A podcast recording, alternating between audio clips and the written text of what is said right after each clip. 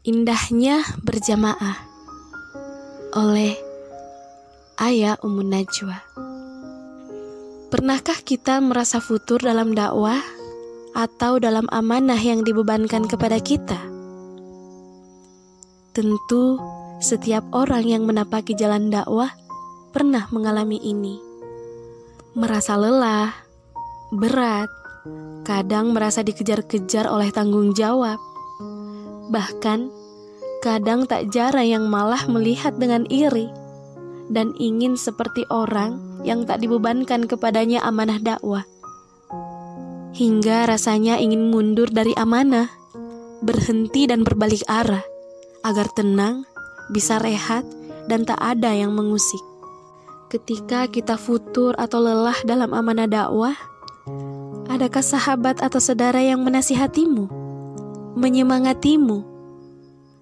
Apa reaksimu dengan semangat yang dialirkan? Apakah masa bodoh? Atau merasa marah dan tersinggung? Atau senang karena merasa mendapatkan kasih sayang seorang saudara seakidah? Bagimu yang marah ketika saudaramu menasehatimu, ingatlah sabda Rasulullah Shallallahu Alaihi Wasallam dari Anas bin Malik radhiyallahu anhu, Rasulullah shallallahu alaihi wasallam bersabda, "Tidaklah sempurna iman seorang di antara kalian hingga ia mencintai saudaranya seperti ia mencintai dirinya sendiri." Nasihat adalah tanda cinta. Karena rasa cinta inilah mereka menasihatimu. Karena mereka menginginkan kebaikan padamu sebagaimana mereka menginginkan kebaikan pada diri mereka sendiri jika kita dalam sebuah jamaah yang kodarullah adalah dalam kepemimpinan seseorang, pernahkah kita mendapat teguran dari guru atau pimpinan kita? Bagaimana perasaanmu jika mendapat teguran karena kelalaianmu? Marah, benci, dendam, atau malah senang? Jika masih ada yang menegur kita karena kelalaian kita, maka sudah harus seharusnya kita bersyukur bahwa ternyata Allah masih menyayangi kita. Allah masih mau menyelamatkan kita dari keterpurukan. Lebih-lebih dalam amanah dakwah, karena nikmat berada dalam jamaah dakwah, tak semua orang bisa rasakan. Maka itu adalah jalan Allah agar kita tak terlena. Bagaimana jika pemimpinmu atau gurumu tak pernah menegurmu? Karena sejatinya pendidikan itu tidak hanya berupa nasihat semata, bahkan teguran pun termasuk pendidikan. Mungkin teman yang menasihatimu tak lebih baik darimu. Mungkin bagimu, pemimpinmu atau gurumu tak sesuai ekspektasimu. Namun sejatinya, dialah saudaramu yang Allah kirim untukmu agar saling bahu-membahu mengejar surga, agar saling tolong-menolong dalam ketaatan, saling mengingatkan jika yang lain lupa. Karena dalam Islam, tolong-menolong dalam hal kebaikan adalah kewajiban. Dalam Quran Surah Al-Maidah ayat 2, Allah berfirman, Dan saling tolong-menolonglah kamu dalam kebaikan dan takwa. Dan janganlah saling tolong-menolong dalam perbuatan dosa dan pelanggaran. Dan bertakwalah kamu sekalian kepada Allah. Sungguh, Allah amat berat siksanya.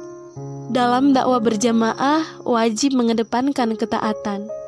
Muhasabah adalah penting. Evaluasi harus selalu dilakukan agar dapat meminimalisir tanggung jawab yang kita lalaikan. Mengapa ada teguran?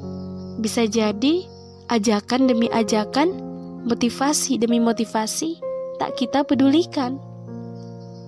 Mungkin ego kita dan juga kebodohan kita yang membutakan akhirnya muncul teguran. Karena memang sejatinya panas setahun akan hilang disiram hujan sehari. Itulah tabiat manusia. Bisa jadi teguran itu bentuk tanggung jawab guru atas amanah yang diberikan kepadanya. Karena dakwah itu butuh kepemimpinan, tak boleh berjalan sendiri-sendiri tanpa kendali dalam aturan. Sungguh, ketika kita ada dalam barisan dakwah, Sejatinya kita sudah on the track. kita sudah sesuai jalur, teman. Maka, jagalah agar kita tetap berada di atasnya. Ketika kendor semangatmu, segera bangkit lagi. Dengan semakin mendekat dan merapat pada jamaah, jangan pernah memalingkan pandangan, yang akhirnya kita akan tergoda. Jangan pernah memisahkan diri, yang akhirnya kita akan mudah diincar musuh. Pengemban dakwah adalah manusia mulia pilihan Allah, maka jaga hati kita dengan tetap menapaki akidah yang lurus. Senantiasa tazkiyatun nafs, sadari dan kenali kerat-kerat yang akan menodai hati. Jika noda itu ada, segera buang dan bersihkan. Hilangkan benci, hilangkan dendam, karena itu yang akhirnya menghilangkan adab dan kasih sayang dalam berjamaah. Mari bersyukur Allah memberi amanah ini untuk kita. Allah memilih kita di antara manusia. Masih ada yang mau memotivasi dan menegur kelalaian kita dengan lebih taat dan amanah dalam jalan dakwah. Karena sejatinya yang ditakuti musuh Islam adalah kekompakan dan persatuan umat.